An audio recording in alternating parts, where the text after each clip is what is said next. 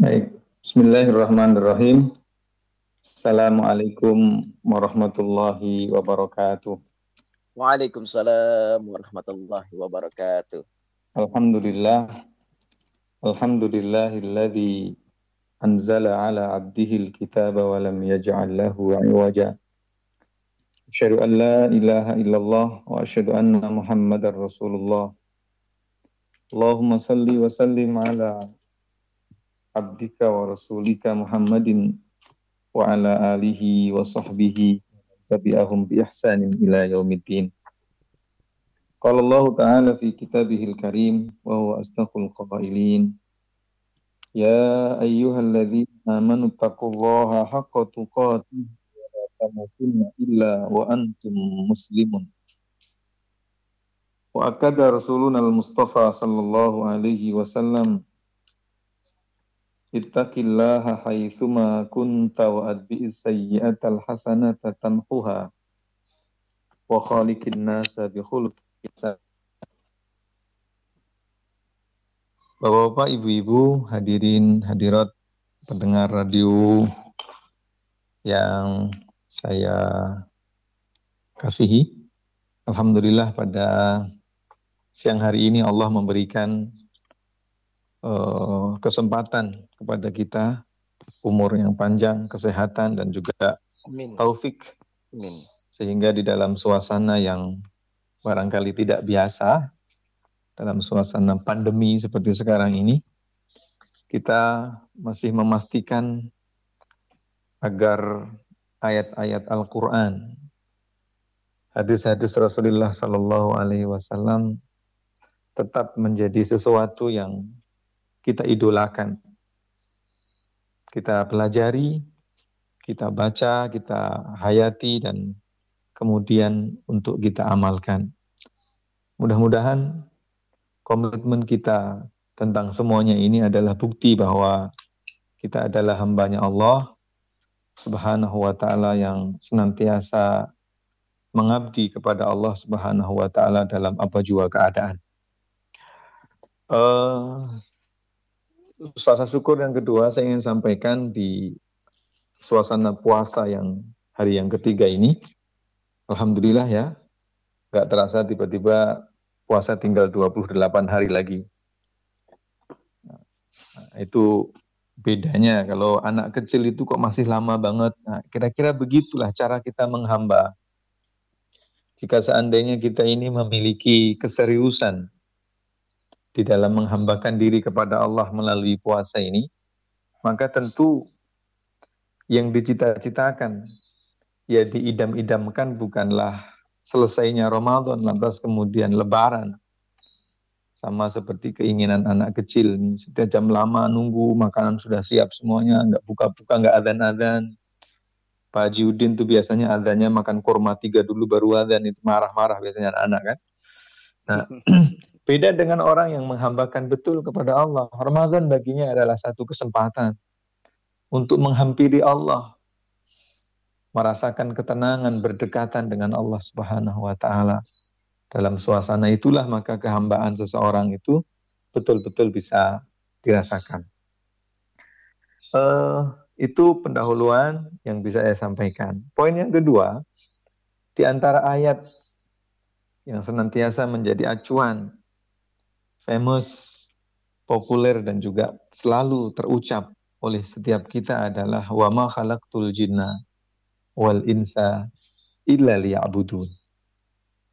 Ini adalah ikrar, deklarasi, sekaligus instruksi dari Allah Subhanahu wa taala kepada makhluknya secara khusus jin dan manusia bahwa keberadaan mereka di dunianya masing-masing eksistensi mereka di dunianya masing-masing sesungguhnya adalah dalam rangka untuk melakukan pengibadahan kepada Allah Subhanahu wa taala.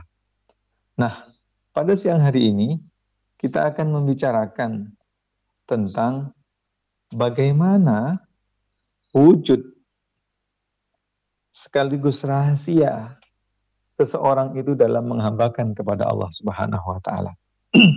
Poin yang pertama yang ingin saya sampaikan terkait dengan penghambaan ini adalah terkait dengan motivasi menghamba. Ya, terkait dengan motivasi menghamba. Saya ingin memulakan dengan sebuah ilustrasi. Saya ini dulu hidup di kampung ya, sama. Sekarang juga di kampung, kampung Bojong Gede namanya. ya, ya Bojong kampung Bojong. Oh, kampung Bojong ya, kampung Bojong. Nah, sebagaimana anak-anak lain di kampung saya, maka anak-anak itu oleh orang tuanya diberikan tanggung jawab berupa beberapa ekor kambing untuk dijaga, dirawat, dibesarkan, kemudian eh, agar nanti ketika sudah eh, hamil kemudian lahir punya anak gitu. Nah, cara orang tua untuk mendidik kami agar kami ini Eh, komitmen dengan kambing-kambing yang sudah diserahkan kepada kami itu adalah dengan memberikan reward. Aturannya adalah kambing nanti yang dijaga ini kalau seandainya beranak, maka saya sebagai anaknya akan mendapatkan bagian. Nah, ini nggak tahu di kampung Bojong ada nggak kayak begini ya. Nah, hmm. Jadi saya kebetulan ketika kecil itu dua bersaudara, ya dua bersaudara saya yang nomor dua, kakak saya nomor satu. Dibelikanlah dua ekor kambing. Dua-duanya betina. Kok nggak ada jantannya kenapa? Ya jantannya nanti ikut orang. So, kalau sudah nanti di lapangan ketemu kan mereka udah kenalan sendiri gitu kan. Nah, dengan jantan. Itu tradisi yang uh, mengikuti sunnah Rasul ya Ustadz ya itu ya. ya. Sebenarnya ya. Ya, ya benar. Ya. Jadi jadi demikian. Nah, orang tua bilang, nak nih, nak, le gitu ya, nanti kalau sudah beranak, maka nanti kamu dapat. Kalau seandainya anaknya satu, maka satu-satunya buat kamu. Kalau seandainya anak kambing itu nanti beranak dua, maka satu buat kamu, satu buat bapak.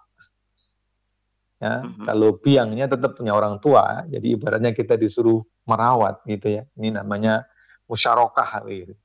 Kalau seandainya mm-hmm. nanti oh, apa namanya anaknya itu tiga, maka yang dua buat kamu, bapak satu aja. Nah, lihat bagaimana cara orang tua kita dahulu itu memberi motivasi ngedidik dalam saat yang sama gitu ya.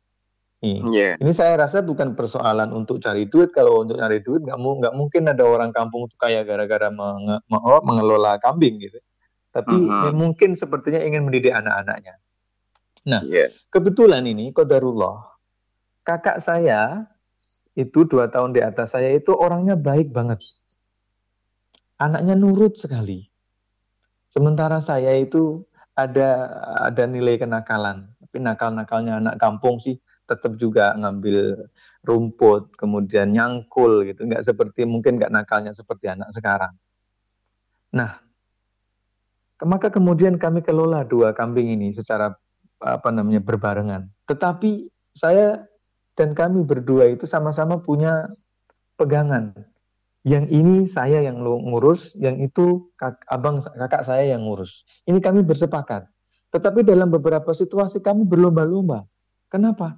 Kalau sebanyak mungkin kita berikan rumput, kemudian nanti kalau gemuk, kemudian hamil, dan kalau hamil maka kemungkinan untuk mendapatkan anaknya yang banyak.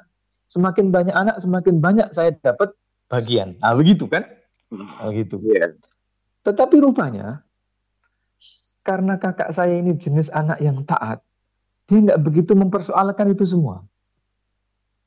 Ya, berbeda dengan saya. Kalau saya kan tadi punya pikiran, ah ini kayaknya harus pakai siasat ini. Selain di di angon, dibawa ke padang, nanti pulang juga harus bawa rumput sehingga kalau malam eh, kambing ini bisa kita kasih makan, kita kasih makanan apa minumnya bekatul yang bagus sehingga nanti kalau gemuk maka kemudian peluang hamilnya dan kemudian anaknya, banyak. banyak. Kalau anaknya ya. banyak, maka nanti saya dapat bagian banyak. Itu motivasi khairin waktu itu. Motivasi khairin. Berbeda dengan kakak saya yang nurut tadi. Dia penurut sekali, pendiam sekali. Di dalam relung apa namanya hatinya sangat dalam, dia berpikir nggak berpikir tentang semuanya itu. Bagi kakak saya, yang penting dia adalah anak yang punya tanggung jawab untuk nurut sama orang tua, bahwa kalau sekarang dia ini sekarang dikasih dikasih pasrahin berupa satu ekor kambing itu karena memang bagian daripada ketaatan itu kepada orang tua. Yang penting sekarang dia buat betul-betul, dia jaga betul-betul, dia rawat betul-betul. Persoalan nanti dia ini akan hamilnya kapan, kalau sudah hamil, kemudian melahirkan anaknya berapa itu urusan nanti. Nah, lihat. Lihat cara dua anak yang sedang melaksanakan tanggung jawab perintah kedua orang tuanya ini dengan motif yang berbeda meskipun secara zahir pagi membawa kambing-kambingnya ke lapangan. Dikasih minum dengan bekatul pulang dibawa bersama kemudian dengan membawa apa rumput. Kemudian malamnya kalau kotor dimandiin. Kita ini dulu kadang-kadang belum mandi sudah mandiin kambing Mbak ya itu itu kita dahulu ya. Sama seperti bapak-bapak di Pondok Gede itu belum mandi udah mandiin uh, apa namanya uh, mobil gitu ya. Belum mandi yeah. tapi udah udah nyiramin bunga. Jadi kira-kira sama lah itu. Tapi poin yang ingin saya sampaikan kita perhatikan bagaimana motivasi kedua anak tersebut di dalam menjalankan perintah kedua orang tuanya. Saya ingin mengatakan, Beginilah juga motivasi tentang hamba Allah Subhanahu wa taala ketika melaksanakan perintah dari Allah. Ada sebagian orang Islam, orang muslim itu ketika melaksanakan kewajiban, entah itu sholat, entah itu buat zakat, apakah itu haji, itu motivasinya karena ingin memperoleh surga. Ingin memperoleh, memperoleh bagian anak tadi satu ekor kah, dua ekor kah? Nah ini sama. Ada orang yang beribadah kepada Allah Subhanahu wa taala ingin memperoleh surga. Dan surga itu yang paling nikmat apanya? Bidadarinya katanya. Begitu. Kalau ada orang yang ngomong kayak begini, ini tanda-tanda orang yang sudah ngebet punya banyak bidadari di, di, di dunia tapi nggak keturutan. Jadi udahlah, nanti bidadarinya banyak bidadarinya di akhirat nanti, di surga saja gitu. Nah, tapi kayaknya pendengar radio di sini nggak kayak begitu ya. Insya Allah dunia akhirat. dunia akhirat insya Allah. Nah, nah, ada yang kayak begitu. Nah, jadi dia beribadah, sholat, bangun malam. Di dalam pikirannya adalah surga, surga, surga, kenikmatan yang tiada tara. Ya. Tetapi rupanya ada sebagian kecil dari umat Rasulullah Shallallahu Alaihi Wasallam itu ketika melaksanakan penghambaan, menjalankan penghambaan di hadapan Allah Subhanahu wa taala adalah ingin memperoleh ridho dan rahmatnya Allah Subhanahu wa taala. Sama seperti kakak saya tadi. Nggak penting lah saya itu nanti saya dapat bagian satu atau bagian dua. Apakah nanti saya dapat bagian tiga atau jangan-jangan malah nggak dapat bagian semua. Yang penting ketika saya ini menjalankan perintah kedua orang tua saya, lantas kedua orang tua saya ini kemudian ridho sama saya, jangankan kok satu bahagian. Kalau lahir tiga pun empat-empatnya dikasih saya, yang tiga dikasih saya, yang biangnya pun juga dikasih saya. Lihat Pak. Sementara, Ibu, sementara yang seperti saya obsesinya saya, yang pingin dapat bagian, dapat bagian, orang tua pasti akan kasih, nggak mungkin akan me, e, me, me, apa namanya, menyalahi janjinya. Tapi mungkin yang akan saya dapat juga sesuai dengan perjanjian di awal. Saya ingin bertanya, pendengar sekalian, dijawab dalam hatinya masing-masing. Selama ini kita 30 tahun, 40 tahun, 60 tahun, ketika kita menghamba kepada Allah Subhanahu wa taala, termasuk dalam kategori kakak saya atau dalam kategori saya. Dalam kategori orang yang beribadah kepada Allah karena memperoleh ridho dari Allah atau karena ingin memperoleh surganya. Kebanyakan surga mungkin dia mengharapkan uh, surga kebanyakan. Mengharapkan surga dan bidadari bidadarinya kan? Bidadari bidadarinya, uh, masya Allah. Kita tidak kita tidak sedang bicara tentang sesuatu yang salah. Karena yang sudah salah itu sudah jelas.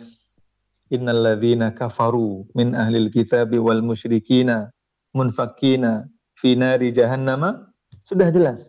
Sesuatu yang yang yang salah sudah nggak perlu kita jelaskan. Kita dalam suasana Ramadan seperti sekarang ini yang sedang kita bicarakan adalah tentang makomat, tentang level pengibadahan, level penghambaan seseorang kepada Allah.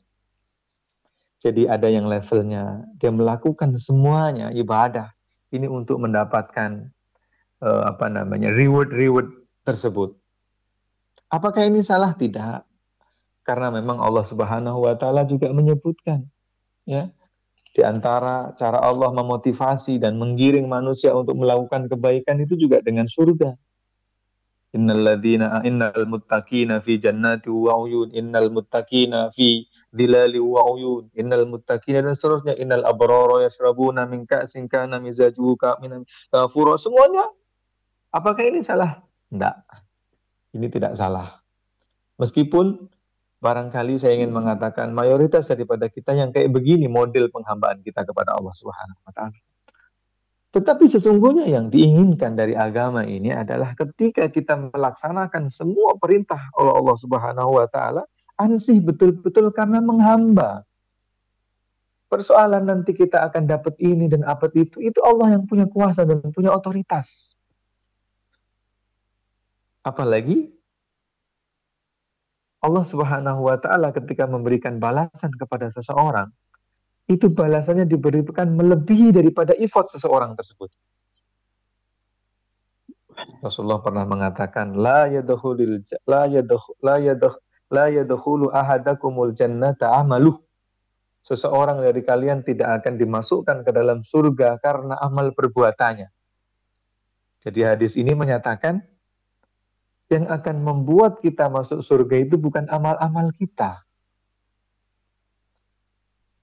Kita boleh nggak kita ini jujur? Dari 24 jam yang kita punya, yang betul-betul memilih nilai ibadah itu berapa jamnya? Kira-kira 8 jam kah itu dipakai untuk membeli surga itu bisa apa enggak? Dan kalau seandainya bisa, itu kira-kira surga model apa, levelnya seperti apa yang kita dapatkan. Orang kita membaca huruf satu huruf buka, tidak dikasih pahala satu. Kita membaca huruf dikasih tujuh, dikalikan sepuluh. Alif lamim itu dihitungnya satu huruf ke tujuh huruf atau sepuluh huruf. Belum lagi dalam situasi bulan Ramadan, ini berlipat-lipat ganda lagi. Amalan sunnah mendapatkan pahala amalan wajib Amalan wajib dilipat gandakan menjadi berapa? Oh, tujuh kali amalan wajib. Orang yang berinfak di bulan Ramadan seperti me, apa namanya me, menanam satu butir, satu butirnya ada tujuh cabang, setiap cabangnya ada seratus. Lihat. Kalau seandainya orientasi ibadah kita ini hanya kepada amal kita untuk mendapatkan surga, pertanyaannya, apakah amal kita ini cukup buat membeli tiket ke dalam surga? No, no, no, no, la, wallahi la, la ya syekh, la, la, la, la. Maka kemudian Rasulullah mengatakan, tidak. Para sahabat pun kemudian mungkin nafas. Saya saya sepertinya ini merasakan para pendengar ini nafas tarik nafas. Nggak tahu benar apa enggak. Ya. Yes, betul, betul. Betul ya, betul ya. Betul, ya. Maka para sahabat pun juga terkaget mendebat, mendengar sabda Nabi ini. Ya Rasulullah, wala anta ya Rasulullah, apakah anda juga demikian ya Rasul? Rasulullah mengatakan, wala ana, saya juga enggak. La haula wala quwata illa billah. Para muslimin muslimat so'imin so'imat. Rasulullah pun amalannya yang kayak begitu, itu pun nggak bisa bikin Nabi masuk surga sholatnya sampai kakinya itu bengkak. Kalau pendengar ini juga insya Allah bengkak kakinya kan? Kenapa? Tapi asam urat. Asam urat. Asam ya. urat. Tapi Nabi Masya Allah. Wala ana, kata Rasulullah. Saya juga enggak. Kita kan jadi nafas lagi, makin dalam lagi kita Masya Allah. Nabi yang amalannya kayak begitu, yang tidak punya serik di dalam hati, yang nggak punya kesombongan, yang nggak memiliki hasad. Kita ini kadang-kadang ada tetangga yang dapat bonus, tapi yang jantungan kita. Ya kan? Ada ibu-ibu tuh yang dia dibawa ke rumah sakit, ke dokter jantung, itu bukan karena dia jantungan, Bukan karena apa-apa, tapi karena ada tetangganya baru dapat arisan, gelangnya tinggi jantungan dia. Nabi nggak pernah punya perasaan apa pun terhadap saudaranya yang negatif. Tapi rupanya semulia-mulianya Nabi dalam melakukan amal perbuatan pun juga tidak membuatnya bisa masuk ke dalam surga. Wala ana. Ya. La yadkhulul jannata kata Allah Subhanahu wa taala. La yadkhulul jannata tidak masuk dalam surga. La yadkhulu maaf, la yadkhulu ahadukum al jannata amalu la yadkhulu ahadan minkum tidak masuk salah seorang dari kalian surga amalu artinya amalan kalian itu tidak bisa membuat kalian masuk surga maka kemudian sahabat bertanya wala anta ya Rasulullah? Oh, ya Rasul apakah engkau juga demikian? Ya wala ana. Saya juga tidak. Illa ayyataghammadani Allahu birahmatihi. Kecuali ketika Allah Subhanahu wa taala merahmati, melingkupi, menyelimuti aku dengan rahmatnya. Jadi rahmat Allah inilah yang akan membuat kita dimasukkan ke dalam surga. Rahmat Allah inilah yang harus menjadi obsesi kita di dalam melakukan semua perbuatan dan penghambaan diri kepada Allah Subhanahu wa taala. Ini poin yang pertama. Jadi jangan pernah berpikir ketika kini ini taat kepada kedua orang tua dengan mengembala kambing tadi, kita hanya berpikir nanti ketika sudah punya anak lantas kita akan dibagi. Jangan hanya sebatas seperti itu berpikirnya. Tapi berpikirlah bahwa kita menyadari bahwa tunduk patuh taat kepada orang tua itu adalah tuntutan.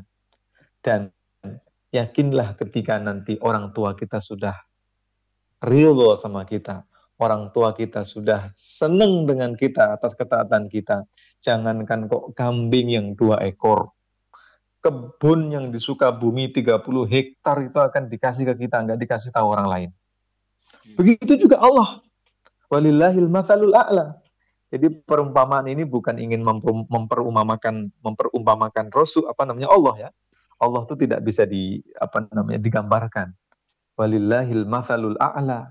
Tidak ada perumpamaan yang lebih tinggi yang bisa menggambarkan Allah Subhanahu wa taala. Tapi paling tidak kita gambaran tadi itu memudahkan kita memahami. Kalau seandainya kita ini obsesi kita mendapatkan rahmat dari Allah Subhanahu wa taala, obsesi kita adalah mendapatkan keridhaan dari Allah Subhanahu wa taala, maka apa pun akan dikasihkan kepada kita. Bahkan para ulama menyatakan bahwa kenikmatan yang paling tinggi yang akan Allah berikan kepada penduduk surga itu adalah ru'yatullah, melihat Allah. So, para pendengar yang dikasihi, jadi ini poin yang pertama. Maka ungkapan innamal a'malu bin niat wa innamal likulli mri'in ma nawa. Faman kanat hijratuhu lid dunya yusibuha fakanat hijratuhu apa namanya famangkanat hijratuhu apa famangkanat hijratuhu lidunya yusibuha aw yang tiwa fahijratuhu ilaihi akan dapat. Jadi kalau seandainya perjuangan kita ini hanya ingin mendapatkan project hanya ingin mendapatkan kedudukan tertentu. Hanya ingin mendapatkan apa posisi-posisi tertentu mungkin akan dapat. Meskipun juga banyak yang nggak dapat. Fahijratuhu ilaihi kata Rasul.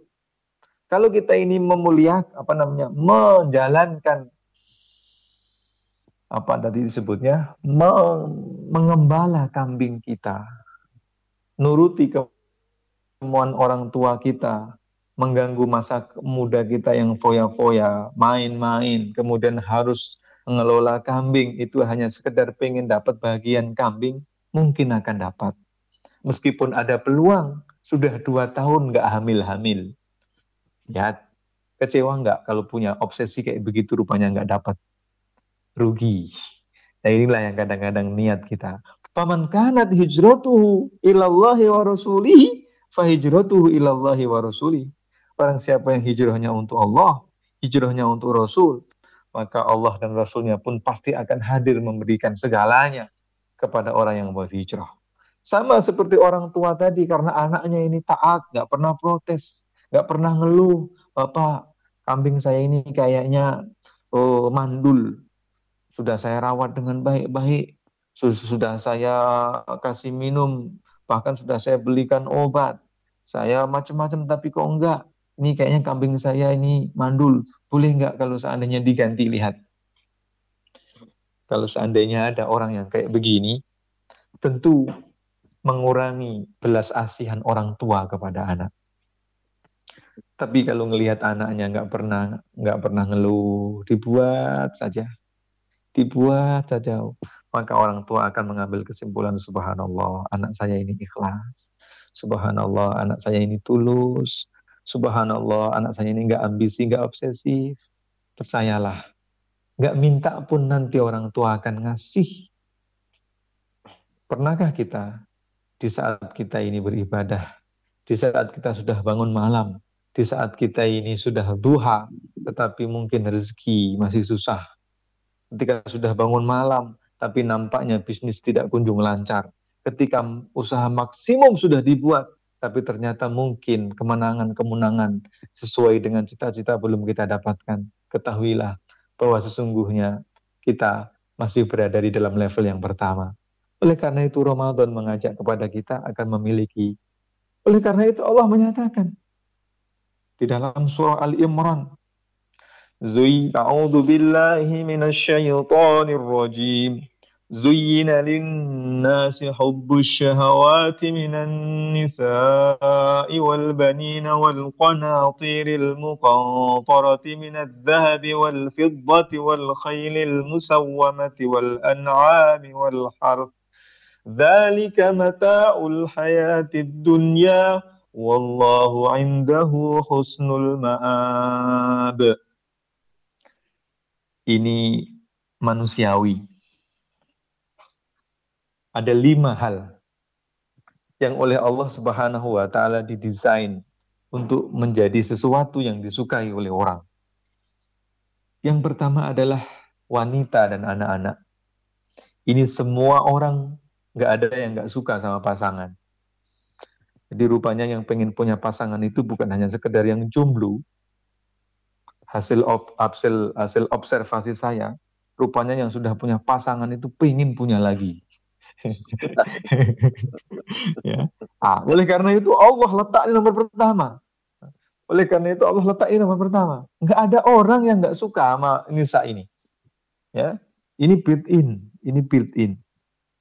Ya, yang raja kah, yang rakyat jelata kah, yang kaya kah, yang miskin papa kah, yang ulama ataupun yang juhala, everybody pengen ini. Makanya Allah taruh yang pertama. Begitu juga dengan anak. Enggak ada orang yang punya berkeluarga nggak pengen punya anak itu, ya. Bahkan yang sudah empat kayak saya aja masih pengen lagi itu punya anak ya. ya itu sudah banyak sih, empat itu sudah banyak. Jamak itu cukup tiga. Jadi kalau empat itu sudah banyak itu. Nah, apalagi kalau ada bapak-bapak yang punya tujuh itu subhanallah itu banyak. Ya? Nah, itu semua orang suka. Nah, kemudian yang kedua wal apa? Wal qanatiril muqantarati minaz zahab. Ini yang disukai oleh orang, tapi nggak semua orang. Siapa? Golongan apa ini? Golongan para pedagang. Orang-orang kaya yang punya emas. Pengen punya emas. Bukan sedikit, emas yang banyak. Makanya Allah ungkapkan qanatiril muqantar. Bukan sekedar azhab saja kalau seandainya cuma sekedar emas itu keinginan biasa, cuma bilang saja Allah, Zuyina linnasi hubbu syahawati minan nisa'i. Ah, begitu cukup. Tapi kalau soal emasnya pengen punya batangan. Ini maksudnya batangan. Dan kalau batangan ini siapa? Oh ini berarti orang kaya. Golongan pebisnis. Makanya kalau orang kaya itu biasanya simpanannya bukan duit, simpanannya emas.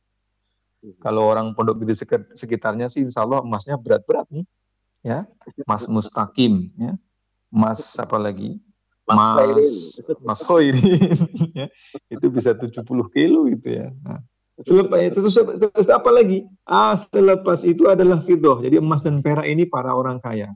Wal khailil musawwamah. Ini kuda. Kuda ini yang suka siapa? Yang suka para raja. Para pembesar biasanya ya. Ya, di Hambalang itu ada tujuh kuda. Itu pernah dinaikin apa enggak? Itu para raja itu yang pakai yang pemiliki itu. Kalau orang biasa enggak. Kalau orang kalau kalau punya kuda pun dia buat kerja ya itu paling banyak pun satu paling ya wal an'am itu adalah binatang ternak kalau binatang ternak itu golongan mana golongan orang yang tinggal di pedalaman di badui di Gunung Sahara. Wal harf itu adalah tanaman tumbuhan. Ini siapa? Yang tinggal di daerah pertanian. Ya. Tetapi meskipun kita ini memiliki dibikin suka kayak begitu oleh Allah, tapi Allah menghadirkan kepada kita. Qul a'unabbi'ukum bi khairin min. Mau nggak aku kasih tahu yang lebih baik dari semuanya itu? Nah, lihat nih. Jadi kita tidak sedang bicara yang salah. Biarkan yang lain yang berbuat salah itu yang kita buat baik saja. Hanya saja kalau kita harus membicarakan kebaikan, kita bicarakan levelingnya, makomatnya, tingkatannya yang lebih tinggi lagi. Suka kepada wanita nggak salah, orang memang kita yang juga dicipta dari tulang rusuk. Wanita itu cuma dari tulang rusuk. Nabi Adam diciptakan nggak lama juga kemudian ada, Hawa. Ya, kalau suka sama anak nggak salah, suka sama emas boleh. Semuanya boleh, tapi rupanya Allah menghadirkan sesuatu yang lebih spesial, yang lebih istimewa. Apa itu? Jannatun tajri min tahtihal anhar. Surga itu. Dan apalagi? Wa azwajum mutahharah. Para pemirsa, kalau baca Quran silahkan dibuka, perhatikan. Di dalam list yang Allah kemukakan, yang paling disukai, yang terakhir adalah al-harf. Al-harf tanaman. Ternyata langsung dijawab bahwa yang lebih utama, yang lebih bagus, yang lebih berharga dari sekedar tanaman itu adalah surga. Kenapa? Sebab surga itu tanamannya nggak cuma satu. Surga itu tanamannya beragam. Jadi kalau kamu itu cinta, suka, obsesif sama kebun yang ada di Sukabumi, ada surga yang lebih dahsyat dari itu semuanya. Lebih luas, luasnya sebumi. Sedaratan bumi. Dan tumbuhannya macam-macam. Lihat ini Allah menghendaki kita untuk hadir dengan pemahaman kayak begitu. Dan yang paling disukai dari seseorang ketika di dalam surga itu adalah mutaharah, azwajum mutaharah. Kalau sudah di dalam surga pasti dapat pasangan, pasti dapat emas perak yang dipakai bukan sekedar dipakai tetapi minumnya, tempat minumnya, tempat duduknya, singgah sananya, tempat tidurnya semuanya emas. Apalagi kuda ada semuanya di sana. Nah, tetapi di ujung ayat ini Allah kemudian mengatakan, Waridwanum minallah. Inilah yang diinginkan oleh penghambaan yang sejati. Mendapatkan ridho dari Allah subhanahu wa ta'ala. Persoalan nanti ketika Allah itu sudah ridho, Allah akan kasih itu urusan Allah. Maka poin yang kedua, ketika seseorang hamba ini harus apa namanya bekerja, hamba Allah yang sejati itu bukan berarti yang ada di masjid, tetapi juga memaksimalkan pekerjaan. Tetapi dia bekerja bukan karena ingin mendapatkan sesuatu yang lebih. Ketika dia ini bekerja bukan karena pengen kaya. Ketika dia ini harus berbisnis bukan karena pengen menjadi bisnismen. Tetapi lebih karena menuruti kehendak Allah supaya kita ini kasbul maisha. Persoalan nanti Allah subhanahu wa ta'ala akan bagi. Akan menjadi ketua bidang, akan menjadi ketua divisi, akan menjadi manajer, akan menjadi direktur itu urusan Allah nanti. Kenapa? Sebab rezeki kita ini sudah dibagi oleh Allah Subhanahu wa taala. Jadi hamba Allah itu tenang hidupnya. Hamba Allah, penghambaan yang sesungguhnya itu adalah yang nomor dua, hidupnya tenang. Begitu juga ketika kita ini sakit. Sakit itu harus berobat. Apakah berobat itu mencari kesembuhan? Enggak. Terus berobat itu karena melaksanakan tugas kewajibannya orang sakit itu berobat. Sehingga ketika orang sakit dan kemudian berobat itu dikarenakan sedang menjalankan kewajiban dari Allah. Persoalan nanti sembuh atau tidak, itu kan pekerjaannya Allah. Bukankah kita hafal faida madud fahuwa yashfi. Kalau seandainya aku sakit, maka dia Allah Subhanahu wa taala yang menyembuhkan. Jadi ketika kita ini berobat tidak boleh bergantung sama dokter. Kalau kita ini bekerja, maka kita tidak boleh mengham, apa namanya ber, ber, bersandar kepada bos. Ya. Ya, ini ini penghambaan. Nah, ini penghambaan lima menit lagi tersisa waktu baik, untuk itu, pencapaian materi. Itu nomor Ustaz. dua. Itu nomor dua ya. Untuk nomor yeah. tiga, oleh karena itu hamba yang sejati itu tidak bersandar kepada amalan tersebut. Bersandarnya kepada apa? Kepada Allah. Oleh karena itu Imam Ibnu Ilah itu memberikan rahasia kepada kita. Salah satu tanda seseorang itu tidak bergantung kepada Allah Subhanahu wa taala itu adalah tatkala ibadahnya tidak rajin ketika cita-citanya tidak terwujud. Salah satu tanda seseorang itu tidak bergantung kepada Allah Subhanahu wa taala ikhtiarnya kendor di saat cita-citanya tidak tercapai. Jadi kalau ada orang ya Allah, kata Ustadz almarhum Rahmat Abdullah itu kalau sholat duha itu bisa menghadirkan rizki. Saya sudah duha, anak-anak sudah saya didik duha, istri saya juga udah duha, tapi kok rezeki saya susah kayak begini. Hamba Allah yang kayak begini dia lupa penghambaan yang sejati bahwa rizki itu sudah ditatat takarannya oleh Allah Subhanahu wa taala. Kalau ada hamba Allah yang kayak begini berarti memang levelnya masih kayak begitu. Baginya kenikmatan sujud saat duha, sujud saat di sepertiga malam terakhir itu rumahnya masih kalah dengan nikmatnya mendapatkan rezeki yang banyak. Sementara hamba Allah yang sejati nggak kayak begitu. Kenikmatan munajat kepada Allah itu melebihi kenikmatan-kenikmatan yang lain. Jadi kalau ada orang sudah sedekah tapi kok seret sudah duha tapi kok seret jadi memang ini sepertinya konsep ubudiyahnya belum betul rizki sudah ditentukan ya rizki sudah ditentukan. Adapun kita ini berdoa waktu doa itu karena menjalankan perintah perintah Allah. Ya. Jadi uh, inilah apa namanya uh, apa uh, rahasia penghambaan yang sejati. Jadi usahanya maksimum tetapi tidak bergantung dengan oleh karena itu dalam bab kemenangan itu tidak ditentukan pada sejauh mana jantera pasukan yang kita miliki, peralatan yang hebat. Waman nasru illa min indillah. Kemenangan itu Allah yang bagi. Bukankah dulu Rasulullah Shallallahu Alaihi Wasallam ketika perang Badar itu perbedaannya jauh sekali, baik dari sisi jumlahnya maupun dari sisi kualitas peralatan perangnya, tapi kan menang juga, tapi kan menang, menang juga. Semestinya orang Israel dan penjajah di seluruh dunia, apa susahnya menguasai Al-Aqsa itu orang semuanya mereka punya Sementara orang Aqsa itu cuma punya Al-Quran saja kok. Sudah berpuluh-puluh tahun tidak bisa menguasai penjajah itu. Kenapa? Nah, karena memang bumi Aqsa itu seolah-olah dijadikan oleh Allah sebagai tempat untuk berkaca tentang penghambaan. Nah, orang ya. jadi kalau tidak karena ada Al-Aqsa, konsep jihad yang sesungguhnya itu tidak terjadi kalau orang Kalimantan itu begaduh sama Malaysia itu kan bukan jihad bisa fisabilillah. Dua-duanya muslim, ya kan? Tapi kalau yang terjadi di Palestina di Al-Aqsa itu jihad yang sesungguhnya. Oleh karena itu seolah-olah Al-Aqsa itu ingin mengajarkan tentang bagaimana konsep ubudiyah itu betul-betul kita pahami. Saya rasa itu ya, ada tiga poin tadi mudah-mudahan bisa uh, yang sedikit tersebut bisa kita uh, amalkan, berfaedah, manfaat, barokah yeah. fid dini wa dunya wal akhirah. Wallahul muwafiq ila aqwamit thoriq. Assalamualaikum warahmatullahi wabarakatuh. Waalaikumsalam warahmatullahi wabarakatuh.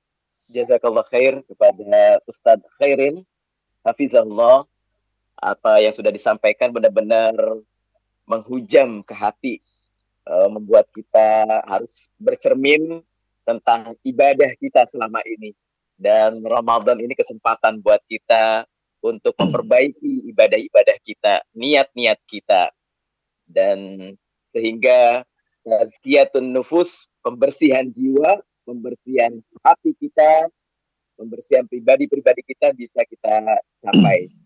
Baik eh, para pendengar, ikhwan wa pendengar radio bahwa yang dirahmati Allah, disayangi Allah, saimin dan swaimat, kita punya waktu 10 menit untuk bisa dialog, berdiskusi, tanya jawab dengan Ustadz Dr. Khairin atau Ustadz Dr. Kiai Haji Ibnu S. Karmin, Hafizahullah. Kami persilakan kepada para pendengar Radio Kahwa untuk uh, yang ingin bertanya, kami persilakan. Uh, mungkin dua sampai tiga penanya jika waktunya cukup. Hanya 10 menit untuk penanya. Jangan lupa uh, sebutkan namanya dan tinggal di mana. Sebutkan namanya dan tinggal di mana. Kami persilakan. Assalamualaikum warahmatullahi wabarakatuh Bang Waalaikumsalam warahmatullahi wabarakatuh ya ini ya. Uh, bantu ini uh, bacakan pertanyaan yang masuk Bang Oji dari list pertanyaan yang masuk ya baik via tulisan Ya. Ini nggak ya. ada namanya. Pertanyaannya, Assalamualaikum Ustadz, mau tanya bagaimana cara kita mengetahui bahwa Allah meridhoi apa yang kita lakukan, pilihan aktivitas kita setiap harinya. Hmm. Bagaimana mengetahui ya, mengetahui Allah meridhoi ya aktivitas dan amal yang kita lakukan. Langsung dijawab atau bagaimana? Atau di, di, dikumpul pertanyaannya atau langsung dijawab? Bagaimana Ustaz? Mau boleh, langsung boleh. Dijawab? Boleh terserah gimana baiknya saya ikut. Ah, kita langsung ada lagi pertanyaannya? Uh, pertanyaannya yang dua lagi. Yang kedua dari Pak ya. Abdullah. Bagaimana Pak Abdullah? Ya, Pak Abdullah dalam tanda petik. Bagaimana oh, mengetahui gitu, ya. kalau diri ini masih belum bersih dari penyakit hati? Kemudian yang kedua ya. Yang kedua, hmm. yang ketiga dari Maulidia. Maulidia. Maulidia. Assalamualaikum Ustaz. Di mana Maulidia? Di mana?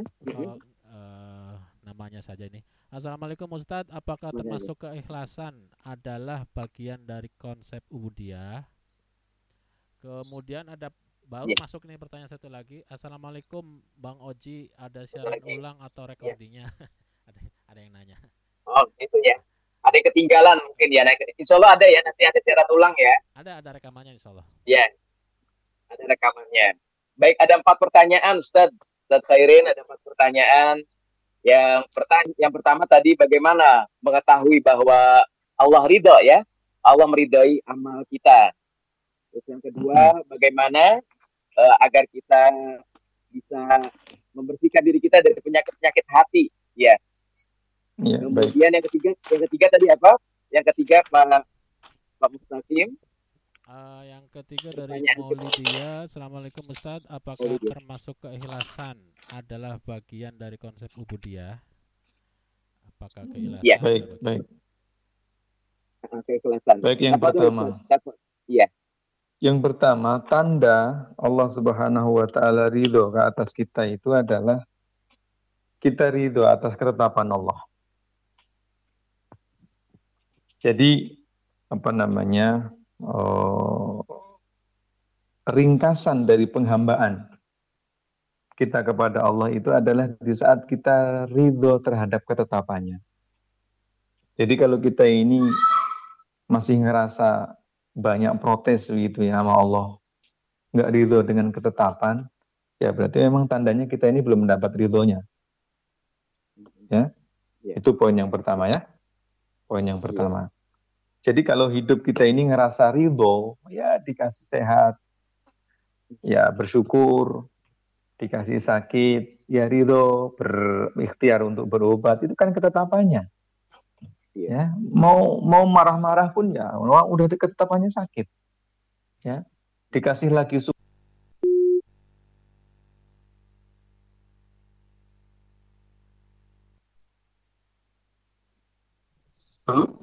Kalau lagi apa namanya susah ya berusaha supaya senang. Kalau lagi bisnisnya down ya tinggal diusahain maksimum. Nanti Allah pokoknya ngasih keputusan gitu. Itu yang poin yang pertama. Poin yang kedua, kalau Allah Subhanahu wa taala tuh ridho sama kita, maka biasanya hati kita itu menjadi tenang. Dan kalau sudah tenang maka akan menghasilkan amal-amal lain yang lebih produktif. Ya. Nah, amal-amal yang lebih produktif itu tanda yang kedua, ya. Tanda yang ketiga, kalau seseorang itu diridhoi oleh Allah Subhanahu wa taala, maka biasanya kehadirannya itu menghadirkan solusi. Ya. Jadi orang-orang yang mendapat keridhaan ini seolah-olah dipilih oleh Allah Subhanahu wa taala untuk membawa salah satu kecil rahmatnya yang Allah turunkan di bumi. Nah, itu itu tanda keridoan. Kemudian yang kedua, eh, apa? Tentang apa? Apakah keridoan itu bagian daripada ubudiyah? Loh ya jelas. Jadi justru nilai yang paling tertinggi dari ubudiyah itu adalah adalah keikhlasan. Di dalam jawaban yang pertama tadi itu adalah keikhlasan menerima ketetapannya.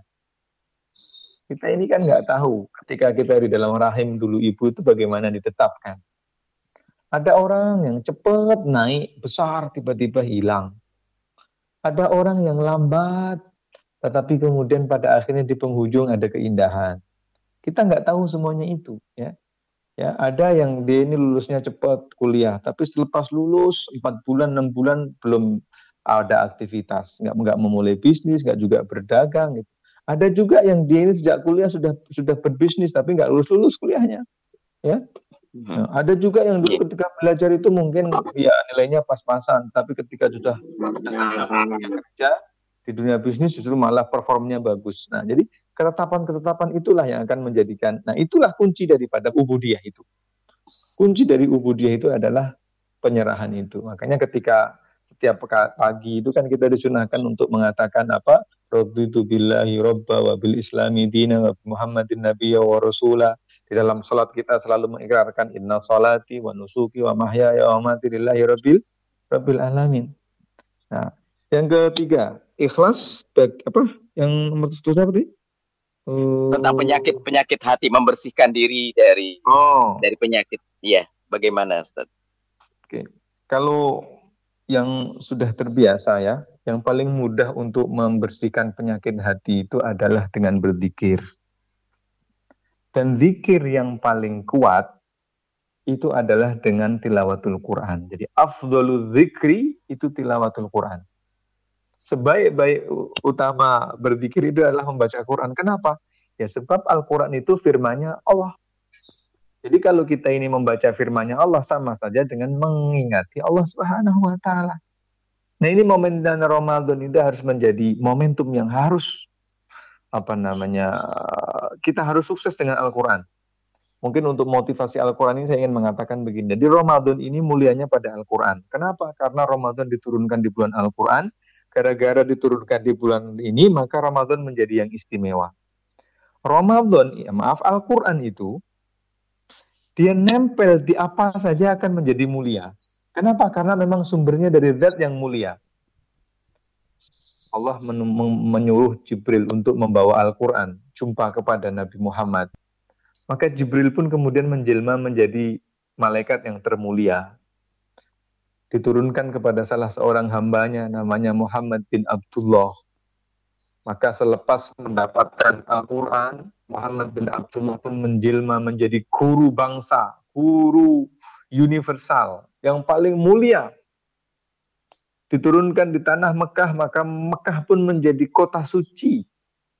Diturunkan pada bulan Ramadan, maka Ramadan pun menjadi bulan mulia. Dan oleh karenanya Allah memerintahkan puasa karena puasa itu 15 tahun selepas kehadiran Al-Quran. Jadi Al-Quran dulu baru puasa bulan Ramadan.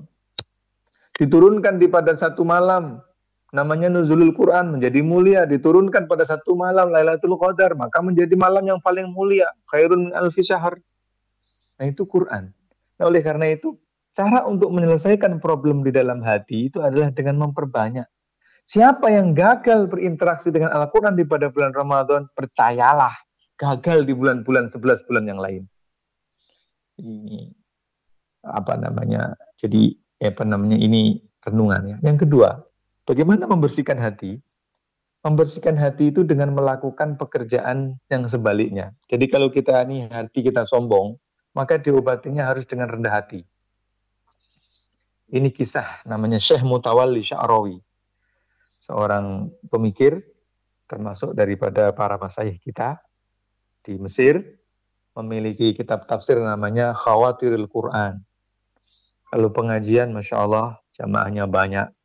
Suatu ketika habis ngisi pengajian, ditunggu sama murid-muridnya di luar masjid, ditunggu sama peng, pengurus masjidnya, ditunggu sama apa yang mengantarnya itu nggak ada. Lama dicari-cari nggak ada. Lama dicari-cari nggak ada. Nggak lama kemudian selepas itu Syekh Mutawali Syarawi itu keluar dan muncul.